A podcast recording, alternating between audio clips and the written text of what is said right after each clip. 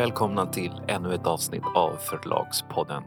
Med Lasse Winkler och med mig, Kristoffer Lind. Ja, vi kör igång direkt. Det gör vi. Nej, vänta, vänta lite. Bara säga några ord om vårt sista inslag idag som är ett längre samtal som jag har med Håkan Rudels, chef för Bonnier Books.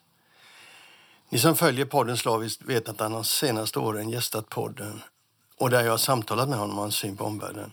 Vilka analyser gör Bonniers, vilka strategiska underlag arbetar de med? De är ju den enda förlagsgruppen i Sverige som dels finns på så många marknader och dels har den kraften att göra ständiga analyser.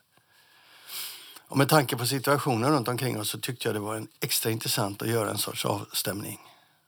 Och lyssna, ni kommer inte att bli besvikna. Åtminstone inte på Kan Rudels.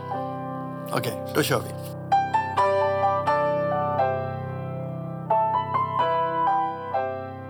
Du lovade förra avsnittet att du skulle plocka upp summeringen. Nu har det bara gått en vecka. Det har gått lite mindre än en vecka, men vi kan redan, vi kan redan se resultatet. Ja, och då kanske vi ska snacka om vad det handlar om. Ja, det handlar helt enkelt om Stefan Sauk och Dag Örlund. Dag Örlunds böcker har lästs av Stefan Sauk och det har ju antagits vara en del av det är Stefan Sauk som har läst dem. Han är omåttligt populär. Omåttligt populär. Och den senaste boken läser Dag själv. Och det var ju naturligtvis med hjärtat i halsgropen som han gjorde det. När vi spelade in förra avsnittet så hade boken precis släppts och folk var inte nådiga. Det var kommentarer av slaget det här är det värsta som har hänt och det ringde till och med folk hit till förlaget och klagade. Och boken hade då 1,1 i betyg. Jag tror inte man kan ha ett lägre betyg. Men nu har vi lite siffror som, som eh, vi kan tala om hur det verkligen har gått. Ja, du lovade en summering. Skulle det bli så att ni med andan i halsen skulle få slå till reträtt? Eller kanske finns det en framtid för det här? Alltså reträtt var ju, fanns det ju ingen möjlighet att göra. Men frågan var helt enkelt hur mycket skulle vi tappa? Det fanns väl en, en idé om att vi ändå skulle tappa. Och eh, så här efter nästan en vecka så kan vi se att den här boken går bättre än den förra boken. Den går bättre än förra, förra boken och den har hittills marginellt lite färre antal lyssningstimmar än den boken som kom innan dess. Så det är nästan all time high. Det är alltså, vi kan alltså inte se någon effekt alls på själva lyssnandet. Vi har också sett en, en förändring då i sociala medier i de här grupperna så, där man har gått från att tycka att det här var liksom ett uselt beslut och hur kunde förlaget göra så och hur tänker de och sådär till att många säger att nej men nu har jag lyssnat klart och Dag Örlund läser ju riktigt bra. Och det, det gör han ju. Alltså han har ju, det ska kanske lyssnarna få förklarat för sig att han har läst tidigare böcker, ljudböcker, inte sina egna men han har faktiskt läst andra författares ljudböcker. Han har läst eh, Karin Henrikssons eh, Trump-biografi och han har läst eh, lite true crime och såna saker. Och han har en lugn och trevlig röst och han har en väldigt god läsförståelse. Och sen är det ju Dag Örlund som är Trut, vilket många inte förstått. De har trott att det varit Sauk. ja. Men det, som är intressant med det här, det har ju varit lite nervösa dagar för mig, men det intressanta med det här är ju att det finns inte någon riktig statistik på vad händer om man byter ut en inläsare. Vi har ju talat om inläsarnas betydelse tidigare och eh, den är ju naturligtvis stor, men det är ett väldigt intrikat samspel mellan författare, författarskap, bokserie och inläsare. Där det liksom har varit en sanning att man, man inte kan byta ut liksom en, en sån här etablerad inläsare i en så etablerad serie. Och det har ju också varit en sanning att just Stefan Sauk och Dag Örlund, tidigare då Silvi Belke, numera Trut, har varit liksom nästan oskiljbara. Ja. Men, det, men det är uppenbarligen så att det går att skilja dem åt. Och det, det har ju varit lite grann min, min, det var ju min känsla. Det här, här skulle vi klara. Men eh, nu har vi det svart på vitt. Ja, men samtidigt så är det väl så att det är en delikat fråga. Du kan inte ersätta en uppläsare med en annan hur som helst. Utan du måste vara väldigt noga med karaktären på uppläsaren när du byter. Eller hur? Ja, absolut. Och det är där som jag vill betona då att Dag läser bra och han passar boken väldigt bra. Man hade inte kunnat byta till vem som helst utan vi bytte från en bra inläsare till en annan bra inläsare. Men vad man kan se, om jag ska visa dig statistik här sen och jag har jämfört med de senaste fem böckerna, det är att de beter sig lite annorlunda när de precis släpps. Och sen om man tittar på liksom försäljningsgrafen så kan man se att de tvinnas ihop som till en tråd och går ihop det är liksom den första veckan, första två veckorna där man kan se liksom, som, som stora skillnader. Sen blir det ungefär som det brukar bli en sån här etablerad serie. Varför, man jämför de här fem titlarna då, varför då det är så stora variationer mellan dem. Det är ganska svårt att, att eh, förklara. Det kan ha att göra med att just när en bok släpps så kanske det inte finns så många andra eh, stora släpp samtidigt som suger upp lyssnarnas tid eller som konkurrerar med lyssnarnas tid. Och det kan ha med andra tillfälligheter att göra, att de släpps vid en tidpunkt och kanske midsommar eller jul eller mellandagar då folk faktiskt har annat att göra. Men sen brukar det liksom ändå jämna ut sig. Alltså det, de kan ha en lite svagare start men sen kan de ta tillbaks det. Men man ser att det följer ett ganska givet mönster och det är väldigt svårt att förklara de här skillnaderna som finns. Men vi, hittills ser vi då att det går lite bättre för den här än förra boken. Ja, så det var den summeringen då? Mm.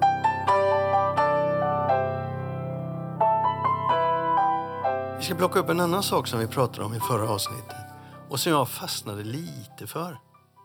Du hade en liten kort kommentar om backlisten i ljudböcker. Ja, jag minns det. Vi talade om, det var du som talade om eh, eh, fakta som har kommit fram under den rättegång som pågår mellan Penguin Random House och amerikanska justitiedepartementet där Penguin Random House måste förklara varför de kan köpa Simon Schuster utan att få en för dominerande marknadsställning. Och då hade det kommit fram en del intressant fakta. De hade då lyft fram hur liten del av deras intäkter som kom från backlist och hur stor del av vinsten som kom från ett väldigt litet antal titlar.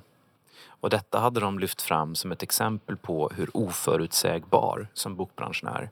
Och sårbar, men också då hur lite de kan påverka och att de faktiskt är... Det gör ingenting om de blir ännu större för det är liksom, de vet ändå inte vilka titlar som säljer, typ. Och då så sa jag att de där siffrorna var intressanta därför att de skiljer sig från, från de svenska i allmänhet och de skiljer sig från Lind Companys i synnerhet. Min förklaring, min teori är att streamingen har, eller det är inte en teori, det är fakta. Streamingen har gjort att backlistförsäljningen i Sverige har rört på sig. Vi har en mycket större andel backlist idag än vad vi hade för några år sedan. Och det kan man också se då när man släpper en ny serie som exempelvis Dag Örlund. Att eh, visst säljer vi lite pocket och visst säljer vi kanske lite av de andra böckerna inbundet men det är nästan ingenting. Medan i eh, det digitala så har du liksom en, en aktivering av hela backlisten som du inte kunde ha med pappersböcker. Det är rätt intressant. Det betyder också att författare som skriver för ljudböcker är vana vid att deras böcker är levande hela tiden. Vilket man aldrig upplevt med pappersformat. Nej. Nej. Där skriver man en bok som blir gammal och försvinner. Mm. Man pratar inte så mycket om det Nej, det gör man inte. när nästa bok kommer. Men här är ju alla titlar ständigt levande. Men precis så var det. En, en reflektion där också det är ju att eh, avtalslängden på böcker, att den var ganska oviktig tidigare. Om man köpte licenser, eh, i synnerhet från utlandet, så kunde de vara på fem år eller sju år. Idag är de oftast på sju år. Men det spelade in, egentligen ingen roll. Det spelade ingen roll om det var fem år för att eh, det fanns inga böcker kvar. Alltså det, boken var död. Det är jättefå böcker som levde som ja, pocket eller vad det nu kunde vara. Men alltså idag är det, i synnerhet när vi köper då in böcker, så är det liksom en, en sån aspekt som vi har koll på att om det är fem år för en översatt bok så är det alldeles för kort tid. För det kan, oftast när man köper in en bok så tar det ju minst ett år att översätta den och sen så kan det ta ytterligare tid innan den kommer ut på marknaden. Och sen så i praktiken kanske bara är tre och ett halvt år då som vi har den som eh, livslängd och det är för kort tid på ljud. Men förr i tiden spelade det ingen roll för inga böcker levde efter fem år. Alltså, eh, ingen, när jag säger inga böcker levde, då talar jag ju om skönlitteratur. Det är klart att en del fackböcker hade en mycket längre livslängd och, så och läromedel såklart. Jag tänker att det skapar en helt ny mental miljö för författaren att vara i. Mm. Och det är ju en aspekt på ljud som man aldrig pratar om. Ja, det är det. Och, men jag skulle också då vilja säga att det är kopplat till det här med Penguin, att det är också en... Eh, att det gör att eh, små förlag som har en stark backlist har en mycket starkare ställning. Att man är mindre beroende av bästsäljare. Det är bra för hela marknaden. Det där är en tråd som Håkan Ruders kommer att plocka upp i mitt samtal med honom som kommer efter våra punkter här. Mm. Så det är du inte ensam om att tänka. Och jag, jag, jag tror att jag sa det också förra avsnittet när vi talade om det att polariseringen, det vill säga att bästsäljarna står för en så stor del av vinsten och omsättningen. Den skulle jag också då vilja hävda minskar något i streaming. Därför att eh, man kan se det om man jämför liksom, hur det funkar med på Audible-marknader. Att på Audible där du inte kan lyssna hur mycket du vill utan måste liksom köpa grisen i säcken och ta din voucher och liksom köpa en bok. Så tenderar folk att välja, dels så ser man att andelen fackböcker är mycket större. De går ner väldigt mycket på en streamingmarknad för att det är ingen bra att lyssna på fackböcker men det fattar inte folk som inte har börjat lyssna på dem utan de tänker att den där boken vill jag läsa. Och sen också att man tenderar att köpa lite mer av sånt man redan vet att man tycker om, alltså etablerade författarskap. Medan på en streamingmarknad med en all så tenderar folk att testa lite mer och det är bra för icke-etablerade författare. Det är bra för de som inte ligger på topplistornas övre skikt. Och det är också därmed bra indirekt för konkurrensen. För det gör det lite, lite lättare för mindre förlag att faktiskt kunna komma in. Audible är ju som en eh, ointaglig borg för oss. Vi finns ju på Audible i Tyskland och i Frankrike. Det är otroligt svårt för icke, alltså för, om du inte är liksom ett jättestort förlag. Eh, det är ytterligare en aspekt alltså att på de här marknaderna då så är det ju, du måste vara så enormt stor för att överhuvudtaget kunna komma in. För man har avtal med Audible att de ska lyfta Penguin Random House böcker och så vidare. Och det talar ju också emot att de, de får ju en alldeles för stark ställning om de skulle, det här köpet skulle gå igenom. Ska vi gå vidare? Mm.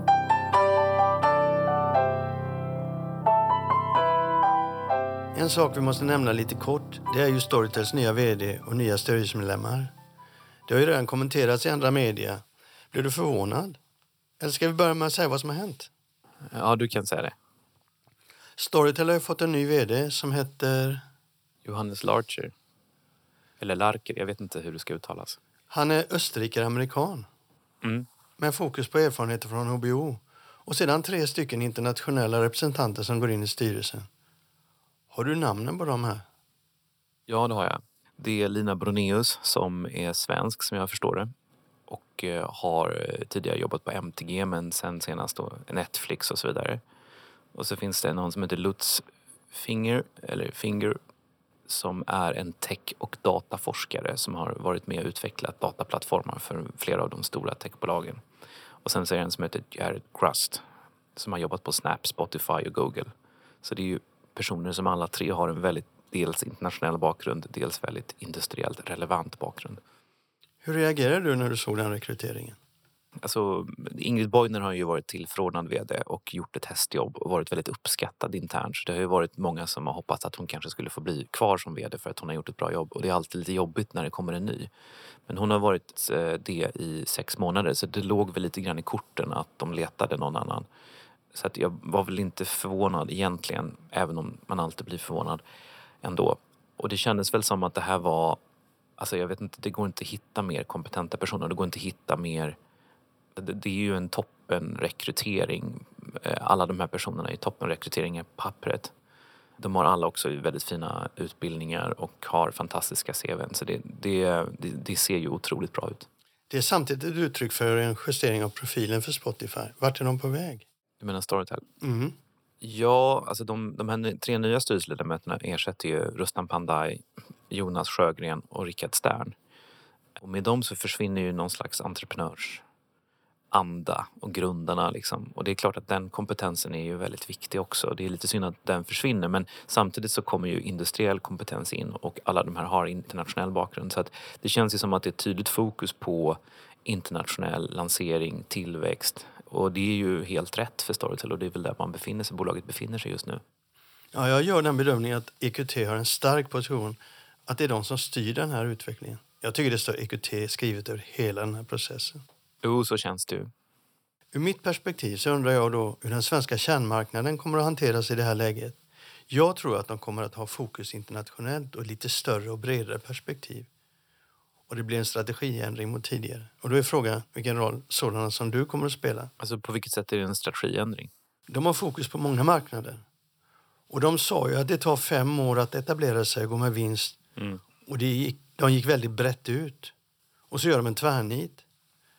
De bestämmer sig nu för att gå tillbaka till de marknader som är lönsamma. Och så stoppar de utvecklingen på de andra marknaderna som Indien och liknande. Mm. Men nu ser det ändå ut som att man ska göra en stor internationell satsning. Ja, precis. Nej, men man går ju tillbaks lite grann till... Man har, det ska vara fokus på tillväxt såklart igen så småningom. Det ska bli intressant. I min värld så blir det här ett lite annorlunda Storytel än vad vi har sett tidigare. Jo, men så är det ju. Men sen ska man kanske inte överskatta styr, en styrelses betydelse. Jag tycker generellt sett att styrelser är överskattade. Utan det är ju på vd, ledningsgrupp och vd och de där under såklart. Det är ju där som själva arbetet sker. Så att det är den här eh, vdn, Johannes Larcher, som är mest intressant. Han ska flytta till Stockholm med sin fru och sin hund. Och det var ju väldigt bra. För det fanns, man vet ju aldrig. Liksom, de kanske vill ha en Börje Ekholm-lösning med en vd som sitter i USA. Eh, Ericssons vd. Och han ska flytta till Stockholm och han pratade för personalen då för några dagar sedan. Och eh, tydligen så betonade han väldigt mycket hur viktigt det är med content och innehåll och liksom själva böckerna. Och det gör ju mig glad som kommer från innehållssidan. Att det var väldigt fokus på det. Och eh, han lär vara väldigt kulturintresserad. Han har en master i eh, musik från Wien. Och han har också uttryckt en stor ödmjukhet inför att han kanske faktiskt inte kan böcker och bokbranschen. Och det uppskattar man ju också för att alla de här personerna har ju erfarenheter av eh, teknikföretag och eh, man kan ju fråga sig vad är egentligen Storytel? Är det ett teknikföretag eller är det ett, en slags distributör av böcker? Jag tycker också där att man kanske lite grann ibland hamnat för mycket på techbolagssidan. Även om det är bra för värderingen så är det ju trots allt så att Storytel lever helt och hållet på böcker och på bokbranschen. Så det uppskattar man ju att han verkar vara intresserad av. Ja, men jag är lite mer skeptisk. Ja, vi får väl se. Ja, vi får se. Har du skickat en inbjudan till Förlagspodden? Att intervjua honom? Mm. Nej, men så småningom kommer den. Han får flytta hit först. Mm. Vi vet ju, jag vet ju att ett av de företag på marknaden i bokbranschen som är sämst på kommunikation är just Storytel. Så han har mycket att göra där. Han kanske har viktigare saker att göra än att vara med i Förlagspodden. Eller hur? Vi släpper det där. Mm.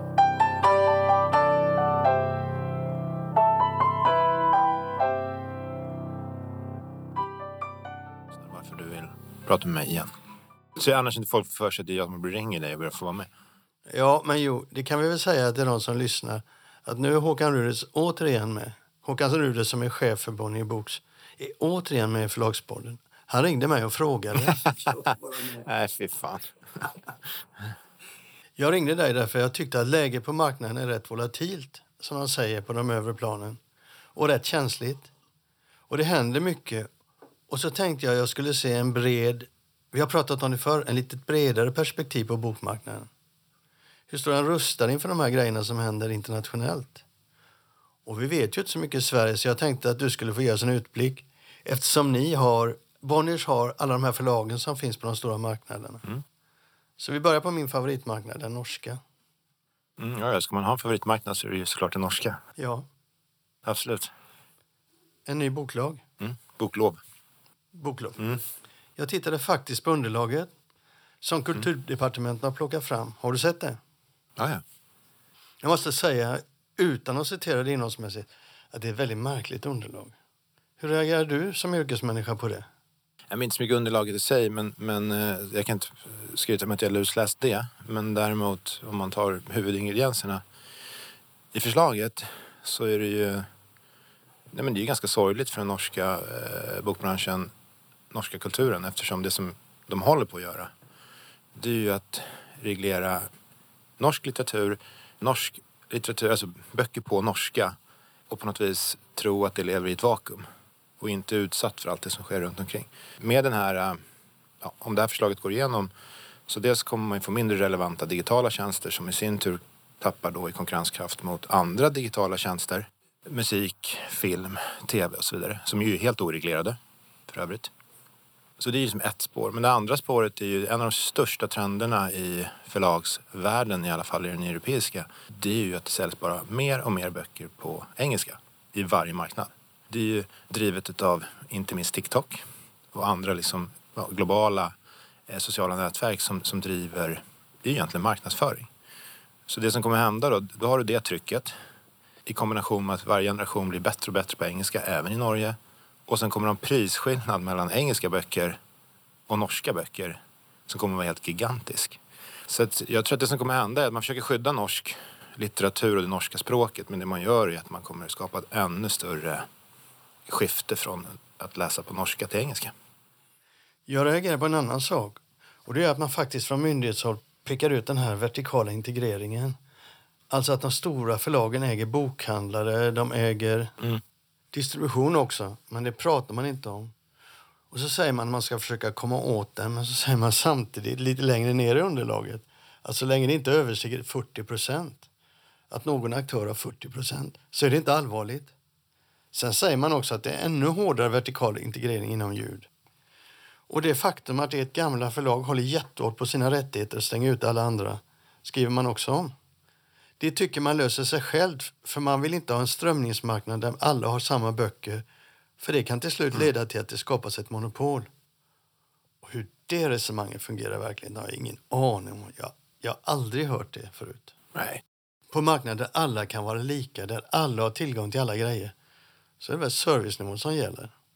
Ja, eller pris. Men, men de, de vill ju inte priskonkurrera i Norge eh, i och med att de vill ha, de Nej, men det är ju ingen annan, och inte konkurrensrätten heller, som resonerar på det sättet. Så det är väl en politiskt eh, resonemang. Nej, men det är klart att ett fast prissystem i grunden, det det gör, det är att skydda fysisk bokhandel. Det är det enda det skyddar. Ja, det skyddar förlagen också. Nej. I min värld så skyddar det förlagen för de får betalt för sina böcker. Jo, fast det får de även i en marknad, som här. Jo, men här har de en garanterad upplaga också. Ja, fast det har ingenting med fastprissystemet att göra. Det är ju stödsystem. Det kan de ju ha kvar ändå. Jo, det kan de i och för sig. Du, och, och, och Bonniers finns på den marknaden. Ja, det är jätteroligt. Är det? Ja, Varför det? därför att, jag menar, ja, dels ett, det är väldigt roligt att ha Bonnier Norsk förlag. Det här är ju ett förlag som vi, det är väldigt stor skillnad att äga 100 procent. Eller det har vi inte riktigt, för Jörn äger ju faktiskt ett par procent. Jörn Lierhorst. Nej, men dels är det ju väldigt, väldigt mycket roligare. Jag menar, vi är ju inte en industriell ägare. Vi jobbar ju med förlag. Det är det vi gör. Vi tycker att det är väldigt roligt. Och här är ett förlag som, som vi jobbar med på riktigt eftersom vi äger det helt och fullt så att säga. Medan det andra var ju mer en, en finansiell konstruktion nästan med 50-50 ägande. Eh, det är det ena. Det andra är ju att tillväxten har ju varit enastående sedan vi tog vid för Bonnier Norsk förlag. Både rent bara omsättningsmässigt men också hur vi har breddat eh, vilka förläggare vi rekryterat, ambitionen på utgivningen, ambitionen på framtiden. Så att, ja, Så intressant. Men min tanke var framförallt den att här har ni det nya förlaget och ni markerar emot fastpris. Nej, men det ska jag inte säga. Jag menar, jag är inte egentligen emot fastpris. Vi opererar ju på världens största fastprismarknad, tror jag, Tyskland. Som, som funkar utmärkt. Det skiljer sig väldigt från den norska marknaden. Ja, absolut. Framförallt till exempel reglerar den inte digitalt. För där har man insett att det konkurrerar ju med väldigt mycket annan konsumtion. Och jag menar, även i en fastprismarknad som Tyskland så är ändå Amazon ja, etta eller tvåa på bokförsäljningen. Jag vet inte, mellan dem och Thalia. För oss är Amazon störst. Men så det är inte fastpris i sig. Jag tycker bara att det är viktigt att bokbranschen ges förutsättningar att konkurrera. Så att säga. Först måste bokbranschen se till att det blir en bokkrona från konsumenten. Sen kan man börja liksom konkurrera inom bokbranschen. Och jag är rädd för att strukturerar man för hårt och reglerar för hårt en marknad, bokmarknaden, men man helt struntar i musik, film, podcasts och så vidare. Då får vi, tror jag, över tid ett, ett problem. Vi blir mindre flexibla, vi blir mer anpass eller mindre anpassningsbara. Vi kommer ha svårt att liksom, helt enkelt skapa bokkronan. Eller bok boktiden, för det är ju tid eh, till synes och sist vi ber om. Och det tycker jag är problemet. Inte, liksom, inte priset i sig. Nej, jag tänker bara på hur ni reagerade när ni gick ur Damm och skapade ett nytt förlag. Så markerade ni som en av punkterna att ni var för ett friprissystem i ett brev. Ja, det var ju, det var ju ja, precis, att vi var beredda att göra det. För att få igenom eh, förvärvet. Absolut. Det där har väl registrerats på den norska marknaden antar jag. Nu är ni väldigt tydliga med det att ni anpassar er till fastprissystemet. Jo, men alltså om det är på väg att bli en lag så är det ju inte så mycket att... man, man kan ju liksom, det är ingen idé att välja att vara olaglig. Det är, det är inte riktigt så det funkar. Låt oss gå vidare. Mm. Danmark. Där har det inte gått riktigt så bra. Gutkind ser inte ut att lyfta så bra som man är van vid när ni går in på en marknad. Ja, Men jag tycker det är, det är två helt olika saker. Gutkind är ju för det första startar vi från noll. Och det tar 3-5 år att etablera ett förlag med ambition på utgivningssidan. Det vill säga inte bara köpa jättedyra kommersiella rättigheter. Hur vet du det? Det är för vi har gjort det ganska många gånger. Nej, men alltså jag har aldrig, ett, vi har sen jag kom hit aldrig startat ett förlag med den här typen av, jag menar vi efter vadå, två och ett halvt år ger ut Nobel, Nobelpristagare. Det är nästan anhörd av. Så det vi har ägnat väldigt mycket tid på det är ju att skapa ja, men en ganska tung utgivningsprofil. Så ni kommer att ha tålamod i Danmark? Ja, givetvis. Alltså, den danska satsningen för oss, utifrån hur vi planerar den, går enligt plan. Så att, sen fick vi ju ett, ett alfa också, det låg ju inte i planen. Eller ja, dåvarande Stråberg. Så vi har ju ett förlag till. Som omsätter nästan lika mycket som Gutkind. Men det pratar ju ingen om. Så jag, jag menar, Gutkind eh, och vår danska närvaro, det tuffar på. Vi, eh, ja, ge oss tre, fyra år så är vi kanske trea på den danska marknaden. Något sånt. Så har vi Finland då. Men där är ni väl väldigt stora på den marknaden. Störst. Om man lägger ihop de här kan de korsbefrukta sig, de här nordiska marknaderna? Ja, har ju Sverige också. Ja, ja. Eh, ja, det kan de väl såklart. Absolut. Ja, men tittar man på Bonnier Books så har du ju ett väldigt stort Tyskland. Där ju liksom i sig, i och med att vi är fem olika städer, har liksom en, en, en struktur i sig. Och Tyskland, det är 100 miljoner tysktalande och så vidare. Det du säger är att ni har kontor i fem olika städer i Tyskland. Ja, förlag. Eh, vi har kontor på fler ställen, men vi har liksom förlag på fem olika ställen. Och Tyskland är ju, precis som Sverige, men där är det ju ännu mer extremt att olika delar av Tyskland är väldigt, väldigt olika. Eh, så. Och sen har vi England ju, som, som växer eh. Storbritannien. Ja, men där har vi ju London, där har vi Edinburgh, där har vi eh, Irland. Kontor och utgivning och imprints. Så att idén är ju, och tittar man sen nu på Sverige med förvärvet av historiska media så är det ju lite grann att, så att säga, sno den idén som de stora marknaderna har gjort på ett väldigt eh, bra sätt. Det vill säga ha närvaro på mer än ett ställe. Så att det inte bara blir eh, surdegsböcker och sneaker, spa och så. Utan vi får en... en... Sa en man som inte har några fördomar. Nej, men det, jag tror att det är eh, såklart i en stor marknad ännu viktigare att vi, vi breddar både vår, hur vi kan rekrytera folk och medarbetare. Men också, som jag sa, olika delar i ett land, precis som olika delar av Europa, är ju olika. Att och försöka fånga det. Det har varit svårt i små marknader för helt enkelt de är för små. Men nu har vi ett ypperligt tillfälle i Sverige att göra det med historiska media och eh, bygga, fortsätta bygga det. Så vi får en närvaro i södra Sverige. Och det är, tror jag, mig veteligen första gången som Bonnierförlagen har eh, en, en det har säkert funnits något kontor någon gång, men liksom ett, ett förlag och vi vill bygga vidare på det. Och så kan man sen tänka Norden, tillbaka till din fråga. Det finns absolut saker, vi gör ju redan saker på produktionssidan, eh, hållbarhetssidan, IT-sidan och så. Så det är ju mycket saker som redan görs ihop. När man tittar på världen som den ser ut idag. Mm. Jag menar, Tyskland ligger väldigt nära krigszonen i Ukraina. Och de är påverkade av eh, Ener energisidan framförallt. ja, energisidan. Nu står vi inför en höst här. Och när ni tittar på världen och på bokbranschen och undrar eller funderar över vad som ska hända och vad ni kan åstadkomma. Vad ser ni då? Om om jag pausar eh, liksom, frågan kring världen, för den, då blir man ju bara deprimerad. Om jag bara lägger den åt sidan så sitter jag på de omständigheterna som, som vi och andra i vår bransch opererar i. Som du sa, det, det, är, en- det är otroligt osäkert läge. Det är egentligen, och det har vi sagt nu, vadå? det här är ju fjärde året eller tredje året av när vi gjorde våran budget eller senaste strategi. Då är det, så här, det var ju inte så att vi hade krig i Ukraina med. Och åren innan, vi hade inte med en, en pandemi som skulle stänga ner stora delar av världen. Så någonstans, det ena är att vi har ju alla blivit bättre på att ja, man får peka ut en riktning och sen får man bara anpassa, anpassa, anpassa. Det som är speciellt nu, det är att i princip alla pilar går mot en perfekt storm. Du har marknader som börjat svalna av egentligen överallt. Där i princip alla bokmarknader är ju sämre än föregående år. Men då ska man å andra sidan komma ihåg att förut var det bästa året någonsin. Så man, det där får man vara lite försiktig med vad man säger om. Jag tycker att egentligen hittills i år har bokmarknaderna där vi är på varit starkare och bättre än vad vi hade förväntat oss. Men däremot sen har du produktionspriserna som är direkt hysteriska.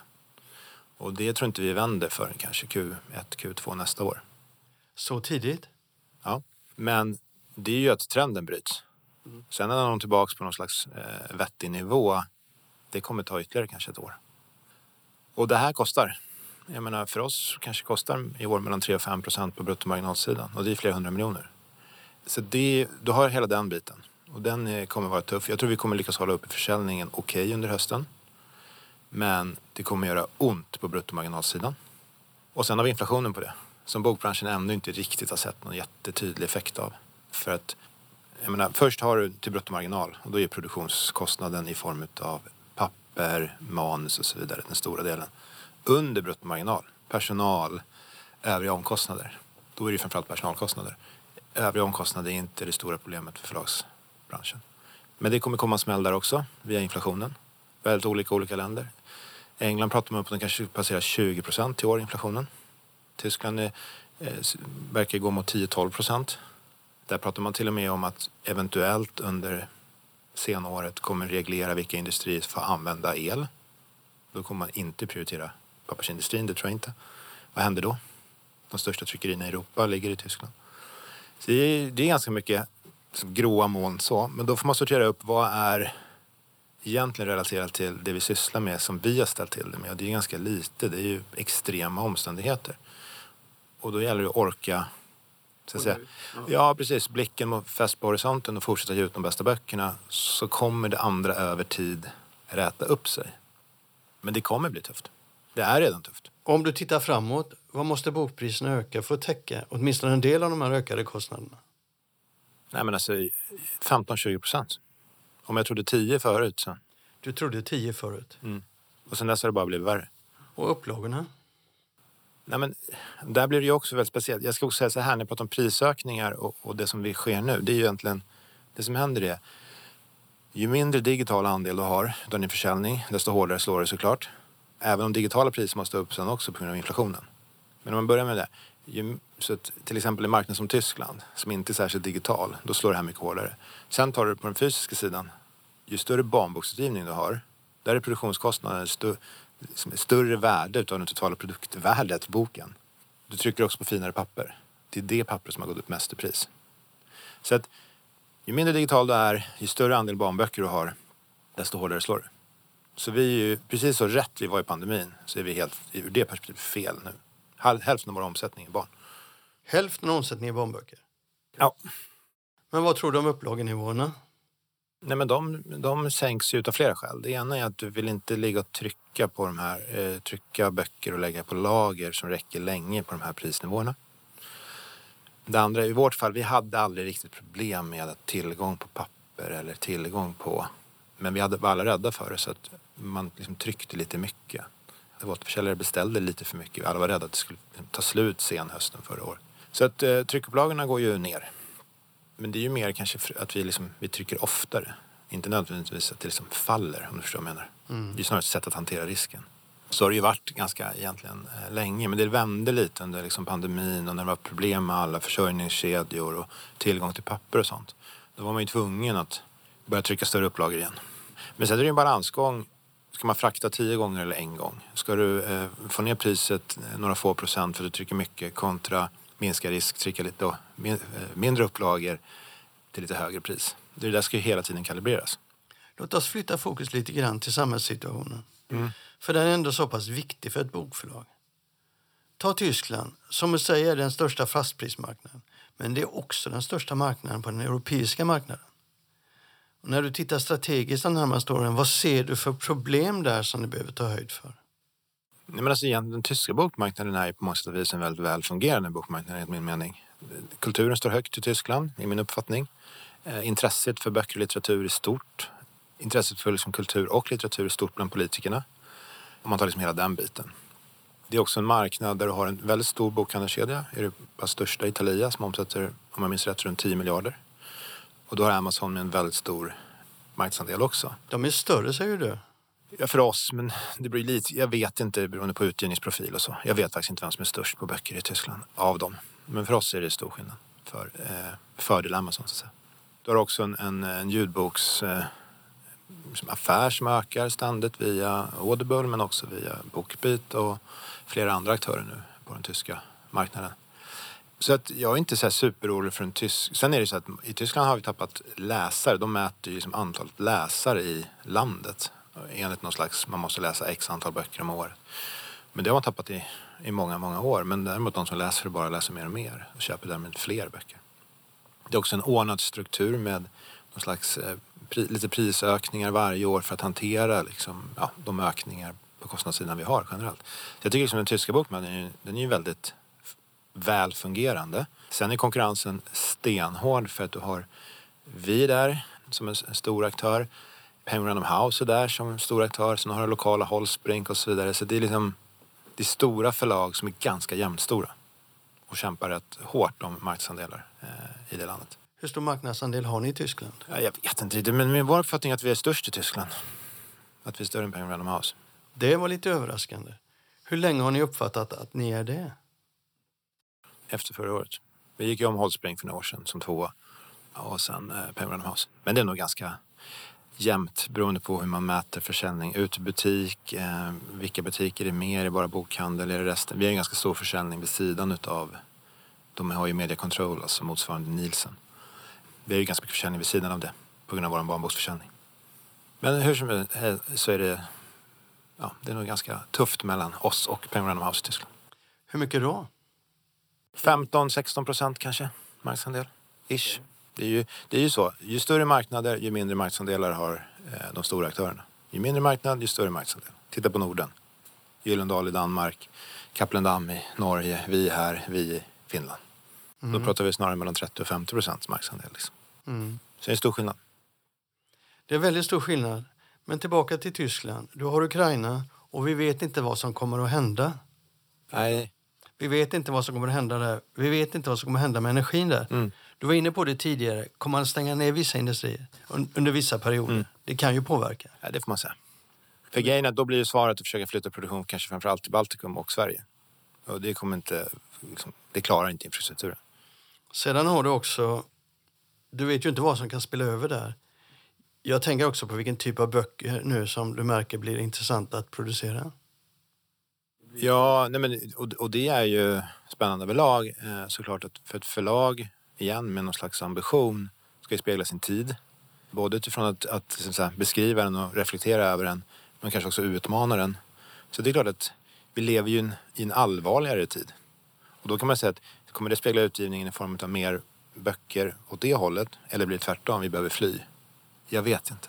Men ett brett förlag som vårt, liksom, som ger ut vadå, 15 17 000 böcker och titlar om året. Över det hela.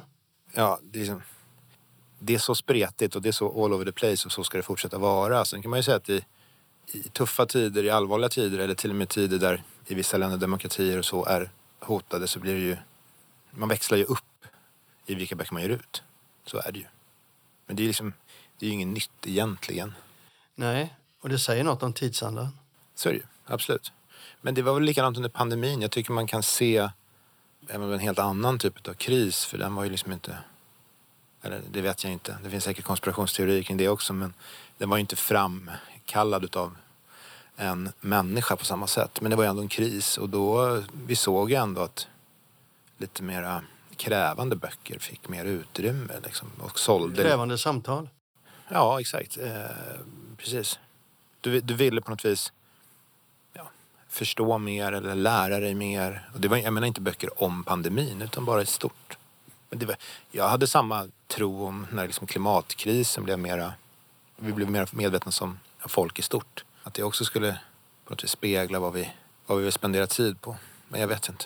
Men jag tycker däremot vi, vi ser absolut tydlig trend i alla marknader där bästsäljarna är fortfarande bästsäljare men de säljer lite mindre. Och det finns en bredare eh, försäljning idag på alla marknader än tidigare. Är det kopplat till eh, liksom, vad som händer i världen i stort eller någonting annat? Svårt att säga. Det där är en intressant trend. För den behöver du förstå. Vissa saker får du aldrig svar på. Varför? Men du kan däremot se att det är en trend där vi behöver förhålla oss till. Ja, dels behöver du förhålla dig till den. Men eftersom vi levt så pass länge, både du och jag i den här branschen, och sett motsatsen. Ja, fast grejen är att ja, och samtidigt så finns det så mycket fördomar kring det här. Om man tittar på Bonnierförlagen i Sverige så i de, de sista 6-7 åren är det en tydlig minskning varje år. De tio största titlarnas andel av den totala försäljningen. Och vi har ju ändå hyfsat många titlar på bestsellerlistan. Och, och, och ja, vi ser ju samma tendenser i andra marknader. Och jag tycker egentligen vi behöver bästsäljare, vi behöver alltså branschen. Vi behöver både böcker och författare som folk eh, pratar om och som blir liksom snackisar precis som musik, tv, podcast blir.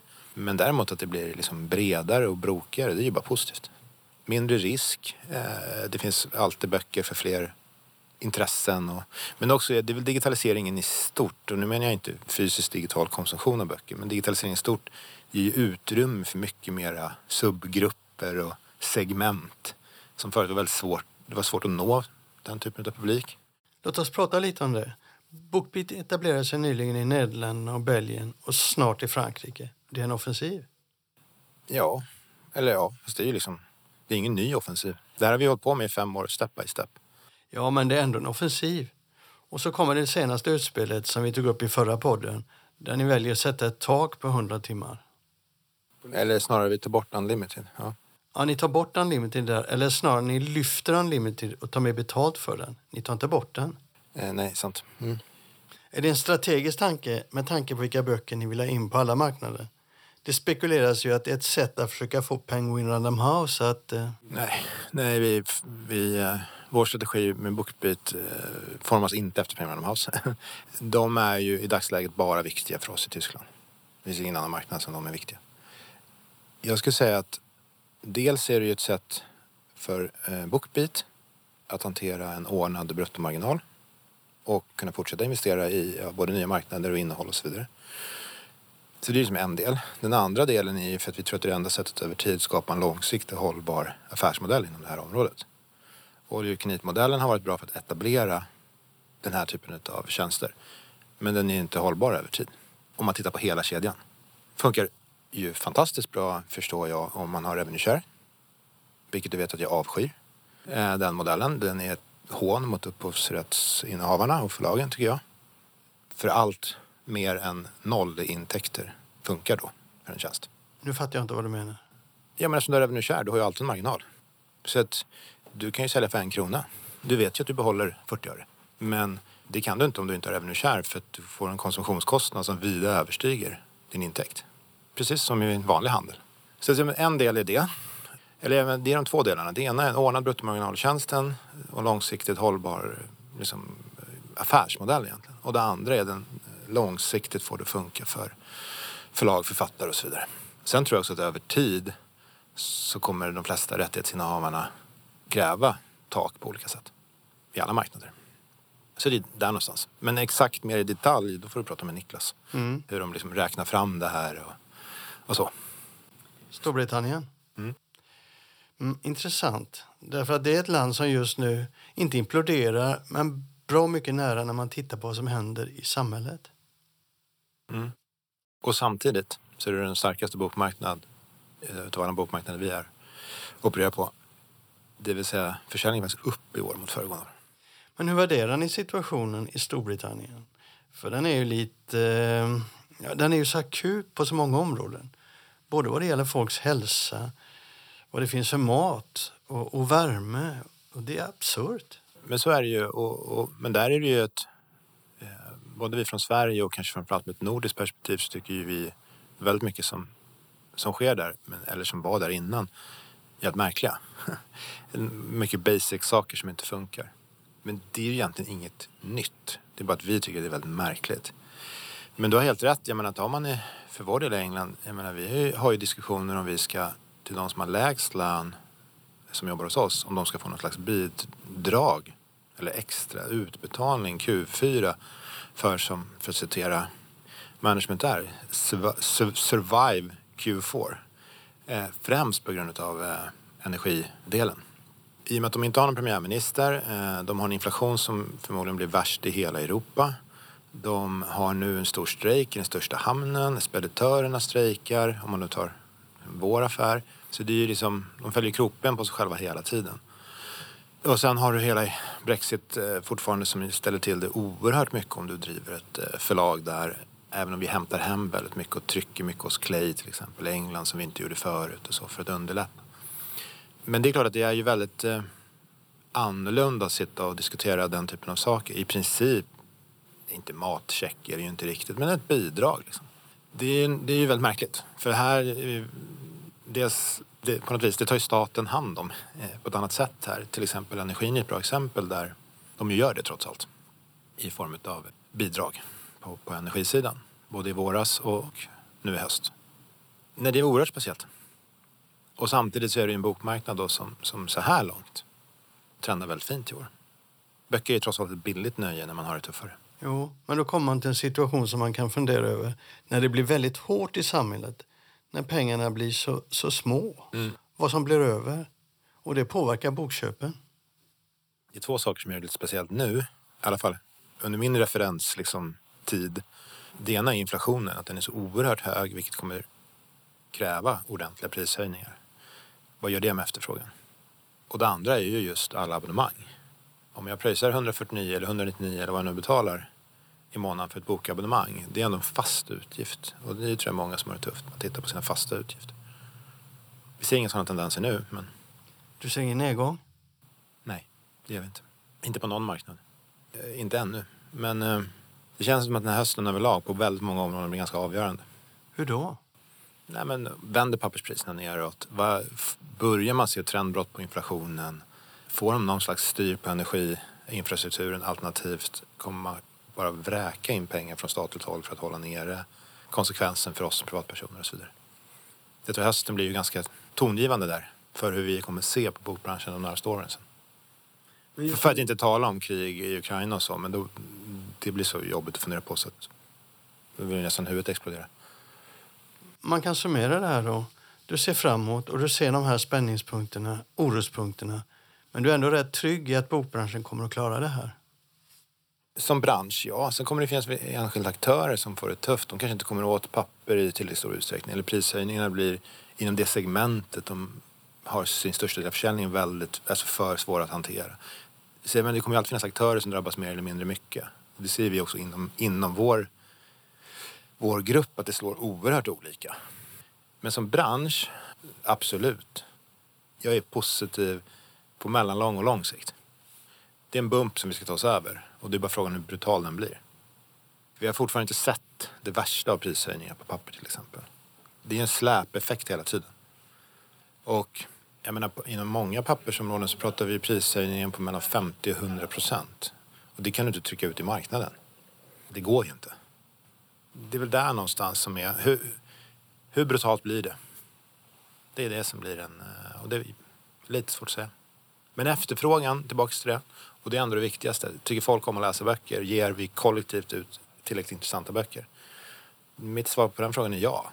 Det tycker jag är ganska uppenbart för vi nosar på förra årets försäljning och det är det bästa året någonsin i de flesta marknaderna.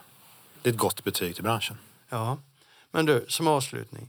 Är det något jag missade här vi fokuserar på? Något du skulle vilja lyfta fram? Nej. Alltså, det som, är, det som är speciellt nu, det är ju, jag menar, hur mycket man än försöker fundera på liksom, på sikt så är det ganska svårt för det är oerhört mycket frågor att hantera som är nu. Och det gör att de kanske allra största och häftigaste tankarna de, de skjuts lite åt sidan så blir det väldigt mycket fokus på, på papperspriser, på inflation, den typen av väl, egentligen otroligt tråkiga frågor. Men de är ju så himla himla avgörande nu. En, en sorglig effekt kan ju vara för det också. Jag tycker vi, vi många eh, aktörer i vår bransch i många länder var väldigt fokuserade på hållbarhetsområdet. Får det sig en törn nu? Tappar vi här för att du produktionsmässigt jagar billigaste priset igen bara för att hantera prisökningen och så vidare. Det är massa saker här, som, massa rörelser som vi lite grann får se effekten av. Som är lite tidigt att säga. Den andra frågan, och det, jag vet inte om du missar, jag vet inte, men till skillnad från pandemin, som också var en kris, som bara var odelat positiv för bokbranschen. Eller odelat, det fanns väl igen vissa nischade som drabbades. Men så här, i grunden var den positiv för den skapade en enorm efterfrågan. Och sänkta kostnader. Så det var som en perfekt storm positivt. Nu är vi en perfekt storm negativt. Och den här gången så drabbar det finansiellt många förlag. Och det är väl mer där då. Kommer det ske rörelser och konsolidering i många branscher? Där framförallt mindre och mellanstora förlag liksom känner att nej, men nu är det ju ännu en kris att hantera. Och det är ganska gloomy på kort, kanske till och med mellanlång sikt. Ska jag fortsätta med det här eller inte? Jag tror inte att det är en jättestor grej i Sverige, men i en del andra länder. Någonstans där ja. Och då har vi ändå inte nämnt frågan om miljön. Nej. Nej men och där tror jag men det sorgliga vore som jag sa om, om, om det blir... För det är ändå så att, att i alla fall i dagsläget så kostar det mer... Du behöver investera i att göra förflyttningen och bli mer hållbar i din verksamhet. Nu får vi se efter det här året. Men förra året så hade vi en väldigt fin minskning på, på våra utsläpp trots en väldigt kraftigt ökad försäljning. Och det är ju det vi alla behöver göra. Att fortsätta ställa om. Och det, det tar både tid och kostar pengar. Det är ju ingen löns, det blir inte liksom, det är inte en lönsam sak att göra. Det är ju bara en säga, anständig sak att göra. Slutar vi här? Mm, kan vi. Du Men- bestämmer. Ja, men har du något mer att prata om? Jaså, men nej. Har du mer att fråga om?